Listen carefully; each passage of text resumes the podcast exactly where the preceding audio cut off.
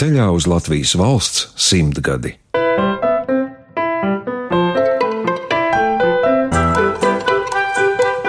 Talantu galerijā radošu cilvēku portreti Latvijas Radio 1. Laika ir tāds sajūta, ka esmu kā personība kaut kāda ļoti sajaukta un tāda, man liekas, tas parādās arī manā dzējā. Lai arī kādā tonalitātē es nerakstītu, parādās kaut kas tāds, kaut kāda cīņa starp kārtību un uh, haotismu. Šķiet, kaut kur nemitīgi ceļojošo nozīmju molekulu teorijas ietvarā meklējam atbildi uz jautājumu, kāpēc Arvis Viguls vienai daļai no mums ir tieši tas, ko vienmēr esam gribējuši izlasīt. Kaut kur garā līdzīgs, bet daudz precīzāks par ostupu, mazāk druģa mocīts nekā ogriņš, rafinētāks par Treibergu, saprotamāks par Vādonu, oriģināls, bet ne pašmērķīgs un pārlieku blīvs, emocionāls, bet ne sentimentāls, reizēm vienkāršs, reizēm noslēpumains, skumjš, bet ne depresīvs, asprātīgs, gaumīgi plosošs un intensīvs. Tā par dzinieka Ārvija Vigula krājumu 5 no rīta, jeb 5.00, raksta literatūra kritiķe Anna Baklāne. Pagājušajā gadā starptautiskajā Londonas grāmatu tirgū Ārvis tika nosaukts par vienu no desmit interesantākajiem jaunajiem Eiropas rakstniekiem. Savulaik ražīgi publicējis kritikas un apskatus par pašmāju un ārzemju literatūru, taču šobrīd vairāk tulko rakstus un intervijas par laikmetīgo kultūru, kā arī atzīvo. Viņa pārvaldīto valodu klāstā vēl bez angļu valodas, krievu, serbu, horvātu un nedaudz arī spāņu valoda. Dzējas dienu laikā Ārvis piedalās vairākos sarīkojumos, taču viņam pašam viens no visnozīmīgākajiem septembra vakariem bija dzējoļu izlases grāmata atvēršana. Dzējas dienu laikā Ārvis piedalās vairākos sarīkojumos, taču viņam pašam viens no visnozīmīgākajiem septembra vakariem bija viņa dzējoļu izlases grāmata atvēršana Rāņu un Aspazijas muzejā. Tajā bija klāt arī es, Toms Streibergs, un aicinu jūs ieklausīties tā vakara atmosfērā, kuru radīja ārvija dzēja.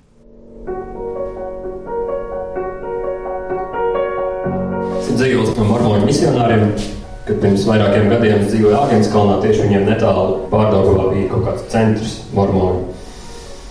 Un tad jau vairākus gadus esmu pārcēlies uz Grīziņkalnu, un tieši tad, kad mēs tur pārcēlāmies, izrādās mormoņi sāka celt baznīcu tieši gandrīz kā pāri ielai. Acīm redzot, viņi izsako. Un tad sveic arī izpēti par šiem uh, parasti puišiem, kā viņi nonāk līdz mums un kā viņi varētu justies šeit. Mormoņu misionāri.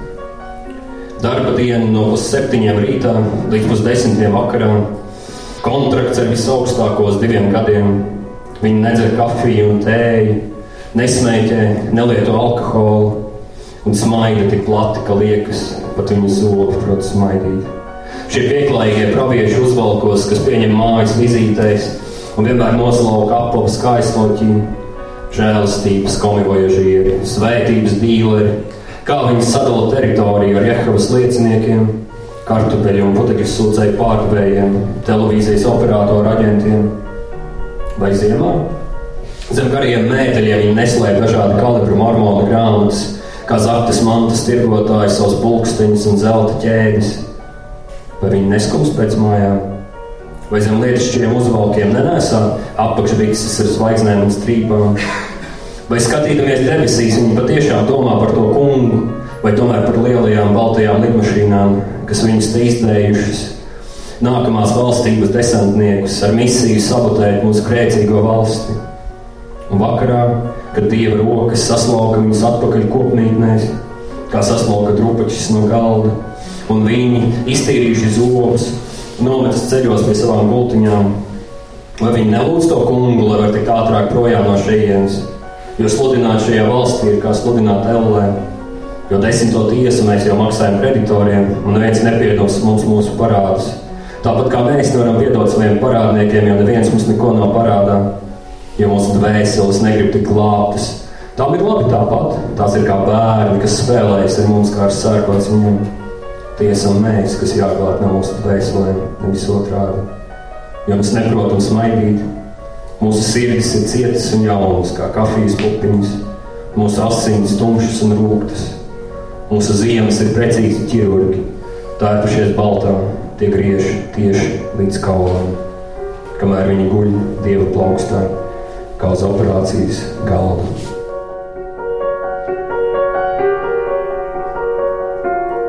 Grāmatas sarežģītību komentēja tekstu grupas orbīta dalībnieks un krājuma krustēvs dzinieks Semjons Haņins. Да, книжки есть целый цикл. Grāmatā ir vesels cikls ar nosaukumu Komentāri, kurš ir citu autoru tekstu samazglojums. Tā ir ļoti sarežģīti uzbūvēta grāmata, šī ārvie dzējoļu izlase. Tajā ir ļoti daudz dažādu spēles elementu ar lasītāju uzmanību, atsauču uz dažādiem literatūras avotiem un tehniskajiem paņēmieniem, un tas viss kopumā veido šīs grāmatas izteiksmi. Способом книга вообще существует. Jaunajā mini-almanahā Rainis un Aspazija Reloaded, kurā apkopotas šī brīža dzinieku interpretācijas par mūsu dižgaru dzeju, Ārvis izvēlējās attīstīt kādu piezīmi, kuru Raina Dagdas skiču burtnīcas iekšlapā bija atstājis izdevējs. Tā skan, šeit dažas lapas burtnīcā bija izplēstas. Rezultāts - cimperlīga sarakste starp lasītāju, autoru, kritiķi un vēl dažādiem varoņiem. Šie dažas lapas burtnīcā bija izplēstas. Klaba autori, tu beidzot vari beigt tās lapas plēst ārā, jau apnika izdevējs. Man liekas, šo dzējoli varētu arī izlaist. Kritiķim taisnība, tu reizēm tomēr atkārtojies, redaktors. Nu labi, vai vēl kas būs? Autori. Šajā lapusē kāds uzzīmējis, nu, kā lai to tā pieklājīgi pasaka. Bibliotekāris rakstot. No nedaudzajiem vietu nosaukumiem var nojaust, ka autors pēc skaistās Olivijas nāves ir nemierīgi ceļojis apkārt, atgriezies vecās vietās un atkal prom gājis. Līdz beigās atstājis Tičīnu, bijis Franču Šveicē un caur Vācu Šveici aizbraucis uz Vāciju, kur nozūt viņa pēdas. Par viņa galu ir jau ziņots ievadā. Viņa pēdējie vārdi, vai vēl kas būs, liekas aizrādam uz kādu tumšu nojautu. Pašā beigās ir sveiciens Latvijas māsām no Olīvijas. Pieņemiet to zeltainas izdevējs. Vieta piezīmē. Divi rubļi, 30 kap. Paldies! Paldies, ka viena versija par to, kā Rainis var ietekmēt dzēju jūsos. Nozūdot no almanaha atklāšanas kādā smalkā Rīgas viesnīcā, ar ārvi paejamies līdz Basteikalnam. Ja mēs piemērojam literatūras radīšanai analoģiju ar ēdienu gatavošanu, tad cik lielā mērā tu paņem to humora garšvielu pudelīti un piepilini klāt tam tekstam. Tas drīzāk ir viens brīdis, kurā man ir interesanti to darīt, un ir cits brīdis, kurā man tas nav interesanti. Bet uh, varbūt tas nedaudz saistās ar to, ka nu, man neinteresē, teiksim, sakam, dzinieks atradis savu balsi. Man liekas, tik līdz dzinieks atrod savu balsi, tā var būt ļoti laba dzēja, bet uh, tur ir nedaudz kaut kāds atkārtošanās elements. Un man šis atkārtošanās elements nav interesants. Lai gan, protams, visos tekstos, lai arī es varu rakstīt, kā man liekas, kaut ko atšķirīgu, bet tomēr tur esmu es esmu pats. Tur ir kaut kāda, ko es pats pienesu tajā tekstā. Un to es pat brīžiem pats kaut kādā dīvainā kārtā pamanu, kāpēc ir tā. Es gribēju to tekstu uzrakstīt pavisam citādāk. Tur tomēr parādās kaut kāds, nezinu, vigula melanholija vai kaut kas tāds. Ir kaut kāds brīdis, vai varbūt periods, kad tev tā atvērās tā lūka radošā. Nu, protams, ir periods, radošā lūka var atvērties, bet var sanākt ļoti sevišķi sākot, var sanākt diezgan slikti teksti. Un es zinu, ka man teksti ir, tas bija tie pašā pirmajā jaunā autora seminārā, nu, tie nebija nekādi dižie teksti. Vienkārši paveicās, kad uh, man nedaudz parecenzēja rokpelnis. Viņš nepateica tiešā tekstā, kas patiesībā tur arī bija. Tie teksti bija tiešām nebija labi. Bet viņš to nepateica tiešā tekstā, viņš to kaut kā apgāja. Tas it kā arī ir kompliments, ka nepasaka tiešā tekstā. Nu, Nu, daļai- daļēji. Tādā ziņā, ja es pieļauju, ja rokpelns būtu pateicis tiešā tekstā, varbūt es arī eh, mēs šeit nerunātu un es nebūtu arī to. Es gan nezinu, ko es citu darītu. Bet uh, iespējams, jā, ka mēs šeit, uh, mēs šeit nesēdētu un nerunātu. Un pietiek vienkārši tieši ar to, ka viņš nu, tā izvairīgi kaut ko pasakā, bet viņš nepasaka tā kā. Viņš nepateica, nu, ko tu mokies, nevajag vispār. Ej prom, ko tu mokies. Vienīgais viņš man teica, es viņam kaut ko stāstīju par tajā laikā, es daudz lasīju krievudzēju, nu, tādu tur kaut kādu bloku un tam līdzīgi puškinu. Viņš teica, nu jā, jā, jā, tas labi, ka daudz interesē, bet nu atzījot gan nevajag. Tādā ziņā gan esmu vērs, gan esmu ņēmis vērā viņa ieteikumu, ka nevis ieteikumu, bet tādu uh, kluso ieteikumu, ka vajag turpināt rakstīt, gan arī neesmu ņēmis vērā ieteikumu, ka nevajag atzīt. Arvis ir dzimis 80. gadu nogalē Jēkabpilī. Pēc vidusskolas studējis Latvijas Kultūras akadēmijā, kur apguvis spāņu valodu. Gadu veidojis radio naba raidījumu Bronhīts.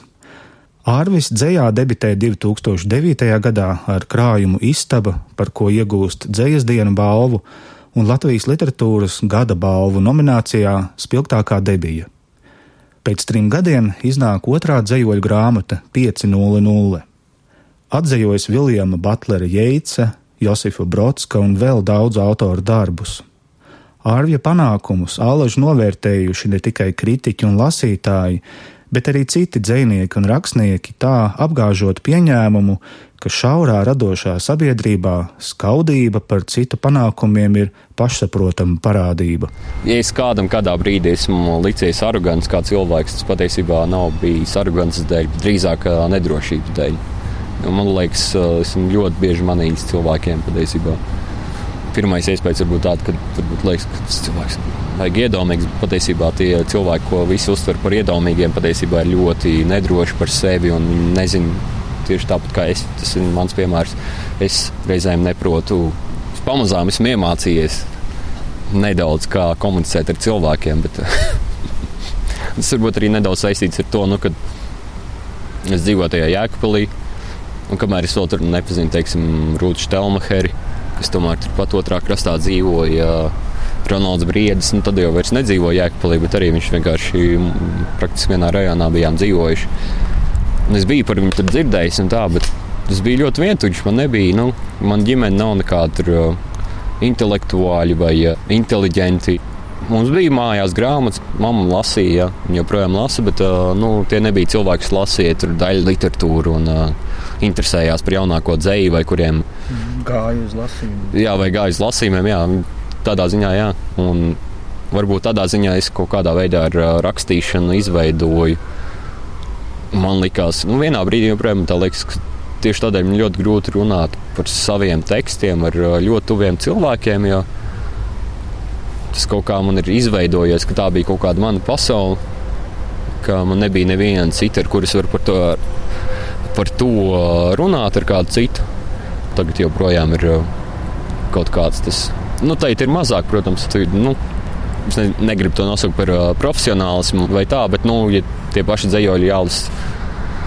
Ir gadījies lasīt gadu no vietas uh, dažādās valstīs, tā, kur pat neviens, protams, nesaprot uh, latviešu un tā, bet nu, iestrādājis, protams, kaut kāds profesionālais ir tāds, bet vienalga ir dzēja un literatūra. Man tas ir kopš noteikti, es pieļauju, kopš pubertātes ir kaut kāda mana pasaule, kurā es pat ļoti negribu citus ielaist iekšā. Ir sevišķi tuvākos cilvēkus. Vieglāk man ir runāt par saviem darbiem ar uh, cilvēkiem, kurus satikt uz ielas, vai uh, cilvēkiem no citām valstīm. Bet, teiksim, mm, ar tuvākajiem. Es laikam domāju, ka es tā ļoti noslēpumaini par to runāju. Tā. Man tā grūti par to runāt. Citai pēc citas es pieskaros savām rātām, manai vienīgajai kamuflāžai, lai atcerētos, kas esmu. Es vairs neprotu mest krustu. Šis ir mans pēdējais rituāls. Vissenākā ir tā uz kreisā pleca, no vakcīnas pret bakām. Apaļa, it kā tur kāds būtu nodzēsis cigareti. Tās bija manas pirmās kristības. Man ir daudz sīku skrambiņu, ap visiem desmit roku pirkstiem, pa vienam uz katru balstu. Bērnībā man patika naži. Tolaik nebija cita rotaļlieta. Pāris dienas pēc mūsu sarunas satiekamies Baltijas valstu simtgadēm veltītajā dzējas vakarā Latvijas Nacionālajā Mākslas muzejā. Kādā brīdī, kamēr Ārvis satiek kolēģus no Igaunijas, izmantoja izdevību pajautāt dziniekam Eduardam Aivaram viņa viedokli par Ārvi. Man ir tāds sajūta, ka mēs esam ļoti labi kolēģi ar tādu, nu, kā lai saka, mums vēl daudz priekšā kopīgu uzstāšanos un kopīgu lasīšanu. Nu, ja mēs šobrīd runājam par ārvi, tad es domāju, ka es vēl diezgan daudz man savā dzīvē gribēsies lasīt ārvi, jo man viņa dzēja ļoti tuva. Un uh, es varētu varbūt raksturot viņu dzēju, es viņu salīdzinātu ar savām fantāzijām par gleznotāja darbu, kā viņš varētu gleznot kaut ko sākot no viena stūra par kādu tēmu. Jo man ir tāds sajūta, ka es klausos ārēju dzējoļus, tad, nu, piemēram, par staciju un vilcieniem. Viņš it kā paņem vienu tēmu un tā pamatīgi noklāja. Un ir tāds sajūta, o, oh, viņš to izdarīja. Jā, Varbūt es arī tā varēju, bet viņš to izdarīja. Viņam tagad tā ienāca prātā izdarīt. Tas ļoti interesanti, ka viņš saskata tieši to dara valodas līdzekļiem, jeb arī kaut kādu procesu. Piemēram, ne tikai man vienam ir ļoti mīļš dzējos par frizētavu ar krestomātisko, ar krestomātisko teicienu, ko visi zināja arī pirms ērus to dzējoli bija uzrakstījis, kad piecēs no krēsla, tad noņem nost to palāgu vai kas tur un saka, un pavisam cits cilvēks. nu tā apmēram. Baltijas dzīs vakars, kā jau varēja paredzēt, ievilkās, un mūsu ieplānotā saruna pēc tā izskaņas tika pārcelt uz nākamo dienu. Arvis mani sagaidīja savā un sievas, ievas mājoklī ģertrūdas ielā, klātesot arī kaķim Žižekam. Porcelāna tasītēs tika salieta kafija un uz šķīvja aicinoši izkārtoti sagriezti eklēri. Par to dzīvokļu bohēmu, kā ir ar to? Reizēm gadās, reizi gadā ir jāpērk jaunas glāzes, jo gada laikā saplīst. Tikai glāzes? Nu, par laimi logi nav plēsti. Un, un par laimi arī kaimiņi ir vai nu kurli, vai viņiem vienkārši vienalga. Un, un nu, ir bijis tur, nezinu, cilvēks. Es domāju, uzspēlēju ģitāru trijos naktī. Ļoti skaļi malcot un kliedzot. Absolūti kaut ko nemelodisku. Un tā kaimiņi nenāk. Ne. Un policija arī nav braukusi? Nē, nē, nav. Nē, nu, es domāju, nav arī tik traki tādā ziņā. Nu, Nu, jā, es... Cilvēki tomēr ir pieklājīgi. Viņi varbūt, nu, iespējams, šī ir tāda māja, kur patiesībā viss tolerē otru privāto telpu. Patiesībā, jā. Kamēr mēs te runājam, uz mums skatās Voltērs. Bet par laimi tā ir tikai viņa galva. Gipsī, kur tu viņu ieguvi, tas diezgan interesants artefakts izskatās. Nē, tas ir uh, sievai zīmēšanas vajadzībām. Trenējoties, viņa arī nopirka to Voltēra galvu. Patiesībā tur bija divas. Un abas tās galvas stāvēja otrās elpas skatlogā. Un tur tieši rakstīts, ka skatlogā preces noliktās nepārdot. Tad nācās gaidīt, kamēr varēja dabūt. Un teicu, tās abas galvas maisā nesa no, uz šejienu no otrās elpas.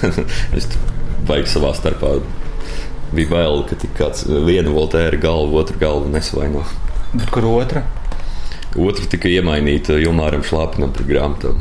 Dažām dienām bija ienākusi ciemos uz vīna glāzi. Un, uh, viņa apcerējās, ka viņa arī acīm redzot, ka zīmēšanas nodarbībās tā Voltēra galva bija tik daudz jāzīmē, ka viņa vienkārši saka, viņa nevar, viņa ar riebumu skatās. Bet viņš ir ļoti īpatnējs. Jā, jā. Vēl bez Voltēra galvas uz mani skatās arī daudz baltākā krāsā, bet uh, vāki, uz kuriem rakstīts laulības apliecība. Tas nozīmē, ka vienā brīdī to bohēmu pabīdīja malā un, un aprecējies. Nu, jā, jā. tā tas ir. Tur tā apliecība stāv. Jā. Ieva Viesa Vigula, tā tad ir tava laulātā draudzene. Laulātā draudzene, jā. Viens no retajiem cilvēkiem Latvijā, kurš pēta Latvijas animācijas vēsturi. Jā, jā. Un vēl tādas dažādas lietas. Bet jā, tas ir. Tādēļ arī cik... šeit arī grāmatas skatās mums par dažādas par kino un animāciju tieši no šī plaukta, kas ir viesis tavā. Cik gadus jūs jau esat precējušies? Liekas, būs trešais gads.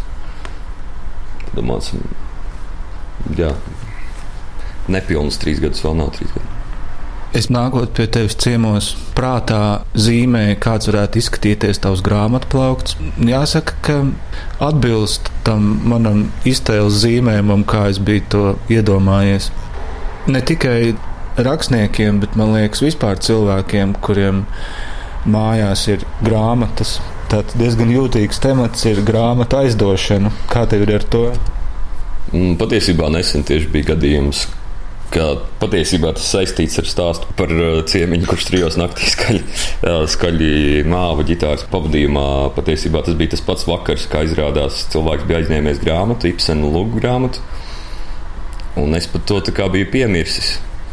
Un paiet kaut kādi vairāki mēneši, bet cilvēks tā tā godīgi uzraksta. Nu, es paņēmu to grāmatu, es tur uh, biju aizvedis laukiem, tur bija palikusi, tāpēc nevarēju ātrāk atdot. Un tā, un es domāju, tiešām Es nebiju, nu, es biju aizmirsis. nu, labi, ir grāmatas, kuras neaizdot. Varbūt. Kuras tās būtu? Nu, kaut kādu piemēru. Jā. Nu, tas būtu kaut kas eh, specifisks, tur nezinu, etimoloģijas vārnīca vai kaut ko tādu, kas ir vienkārši interesanti. Neteiksim, ka etimoloģijas vārnīca vienmēr ir vajadzīga mājās, bet uh, tas tāds izdevums, kas ir tāds, liekas, jūtīgs un nebūtu labi aizklīst varbūt kaut kādas prozas grāmatas. Ir noteikti kaut kādas dzīslas grāmatas, kuras es nelabprāt aizdotu. Pat ne tādēļ, aiz neusticības cilvēkiem, bet tādēļ, ka vienkārši viss, kas gadās, vienkārši nav jau tā, ka cilvēki ļaunprātīgi nedod grāmatas reizēm piemirst, un tā, un es pats varu piemirst, un tad būtu žēl, ka aiziet zudumā. Žanriem sadalīts ir uh, alfabēta secībā, vairāk vai mazāk. Es gan nepabeidzu visu kārtošanu, tādēļ tur vienā noteiktā punktā iestājas hauss. Bet, nu, jā, kaut kādas, domāju, cik es skaitīju, nu, kaut kādi pāris tūkstoši grāmatu. Liekas, divi tūkstoši. Pie divi, man liekas, zem diviem bija viņš mazāk. Cik tu vidēji mēnesī iegādājies grāmatas? Mm, es domāju, ka tas atkarīgs, protams, no tā, kas tiek izdots, bet uh, nevar teikt, ka pārāk bieži tiek iegādāts. Arī tas, ka tās grāmatas atceļo, kāds uzdāvina. Nu, kāds jā, vai arī droši vien būs. Ne? Nu, es domāju, ka ir mēneši, kad arī nav iegādāta neviena grāmata, bet varbūt kāda vienkārši tiek, tiek uzdāvināta. Vai, ja ir kaut kādas atlaides, kaut kas nocenots, vai, vai ja tu kaut kur aizbrauc uz kādu jā, citu jā, jā. zemi, tad jau tur arī droši vien ierodies atpakaļ ar kaut ko, kādu sējumu. Nu, jā, jā. Tur jau vēl nāc būt, kur. Jo ir cilvēki, kas ļoti naski dāvināt savas grāmatas. pat ja tās ir citās valodās, ko es pat nezinu.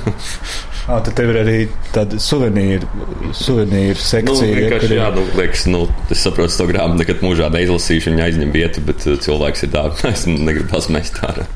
Jā, ja vēl tajā ir kaut kāds ieraksts. Jā, jā piemēram, jā. Pēc, jā. Protams, man liekas, jā, ideāls grāmatloks būtu, kur varētu. Nu, es kādreiz biežāk rakstīju recenzijas, tad jau arī bija tās grāmatas, par kurām jāraksta recenzijas. Tā grāmata paliek pie tevis. Reizēm tā var būt arī grāmata, kur nu, pats varbūt nebūtu iegādājies. Ko tu šobrīd lasi?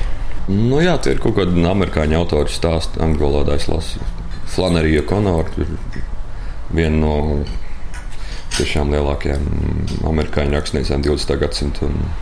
Man ļoti patīk viņas stāsti, kas ir nu, viena no labākajiem, piemēram. Nedaudz arī eju cauri Raimonda Kārvera kopotiem rakstiem, patīk, nu, stāstu sakopojumiem. Tas gan abas tās grāmatas man ir elektroniski, bet es domāju, plānoju arī iegādāties, lai ir papīra formātā, jo tad ir tomēr interesantāk lasīt. Papīra faktūra jūt un tā.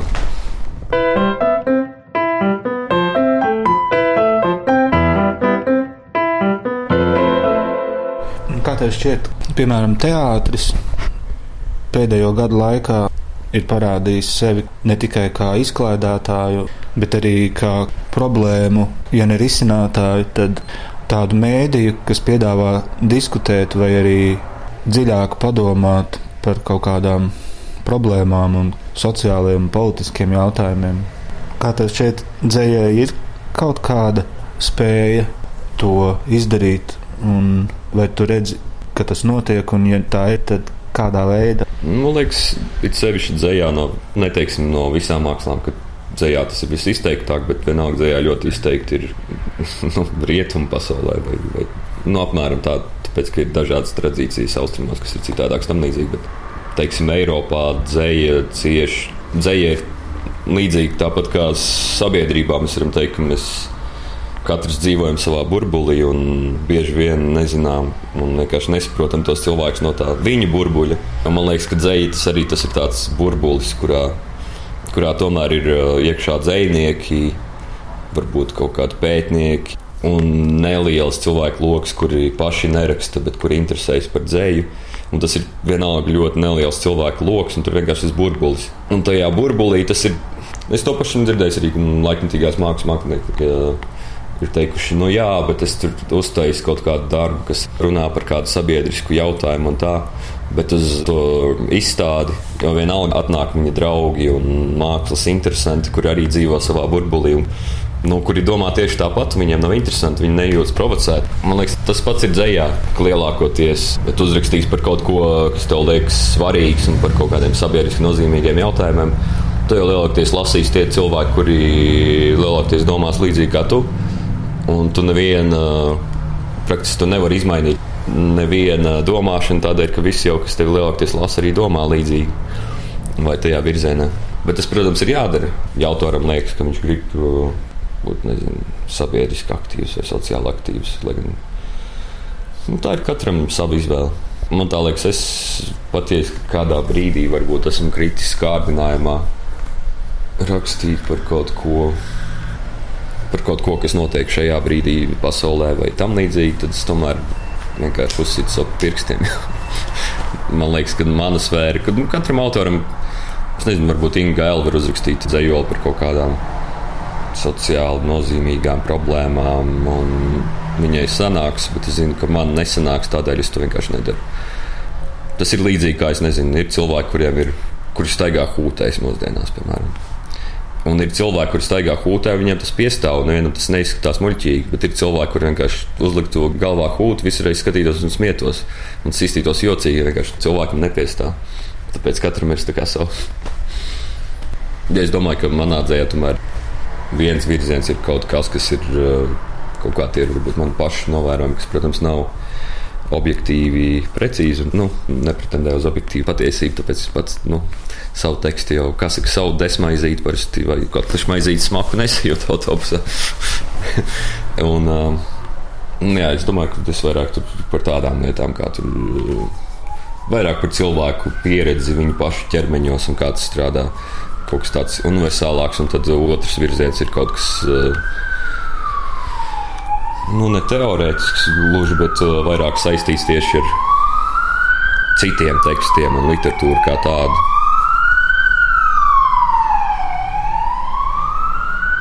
Jā, aizbrauc. Sire... Mašīna ar sirēnām tikko garām. Varētu sēdēt sirēnas, apsagušās ar šķidrautēm un mātu. Jā.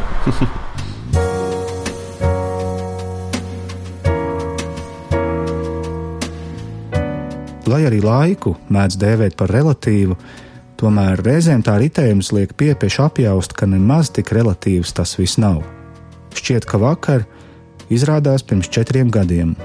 Skan grupas Sigma skaņdarbs mums ir ar Arvija vārdiem no 2014. gadā notikušā dzeju koncerta Rīgas domā.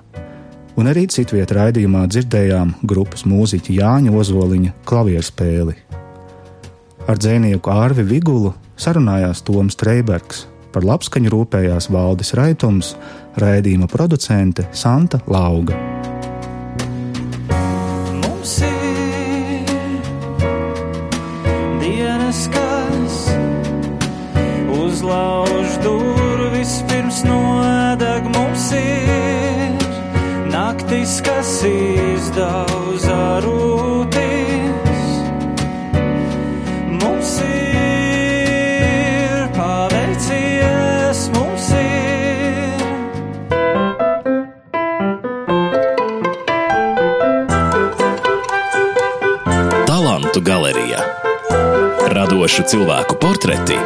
Latvijas Radio 1.